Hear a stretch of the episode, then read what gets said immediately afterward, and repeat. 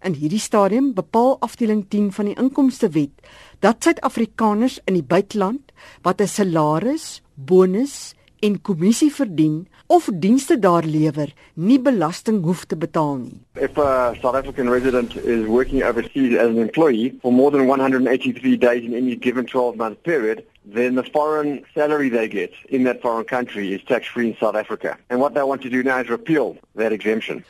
Price skets die toekomstige posisie van Suid-Afrikaners wat geraak sal word. Imagine you have a South African tax resident who works in Dubai and earns a salary in Dubai where there's no tax. So up until now, if he's been spending more than 183 days a year in Dubai, he's not paying any tax because there's no tax in Dubai and there's no tax in South Africa because of this exemption. If this exemption is repealed, he will still not pay any tax in Dubai, but he will end up, so if this amendment that removes this exemption is approved, he will now pay tax in South Africa. So from paying no tax, he's suddenly paying up to 45% tax.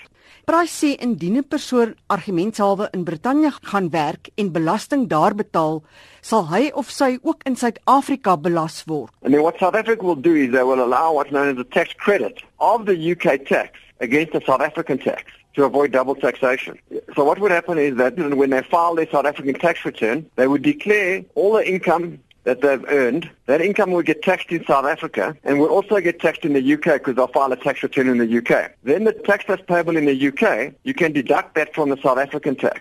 And the effect of that will be that in South Africa, you might pay no tax if the UK tax exceeds the South African tax. Hoewel Price nie kon sê hoeveel Suid-Afrikaners oorsee geld verdien wat in 2019 belas gaan word nie, dink hy dat daar 'n betekenisvolle hoeveelheid mense is. Maar hy het bedenkinge of die Suid-Afrikaanse Inkomste Diens die vermoë het om die mense te monitor. And I think it's going to be very difficult. And I think to a large extent are going to be relying on taxpayers honoring their obligations under the law to disclose their foreign income.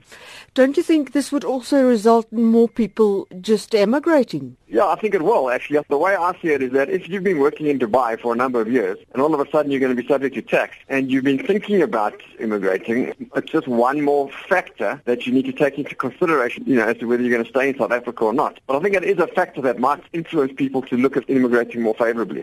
Price sê dat baie ontwikkelde lande burgers van belasting onthef op inkomste wat oorsee verdien is. Normally most countries would say that if you do spend more than 183 days working outside of your resident country, then, then they would exempt their income. So it's kind of a, an accepted norm in most developed countries, so this exemption that we currently have. Maar beskou maak prys die voorgestelde veranderinge as billik. I think it's going to be tough on people.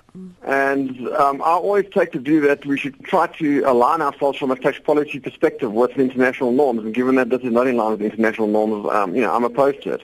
Mark Price, die belastinghoof by die regsmaatskappy Baker McKenzie. SARS kon nie Vrydag met Monitor praat nie. Luisteraars het tot 18 Augustus 2017 tyd om skriftelik op die konsepwysigingswet van die inkomstewet kommentaar te lewer. Dit sal na verwagting op 1 Maart 2019 van krag wees. Mitsi van der Merwe, SAK nuus.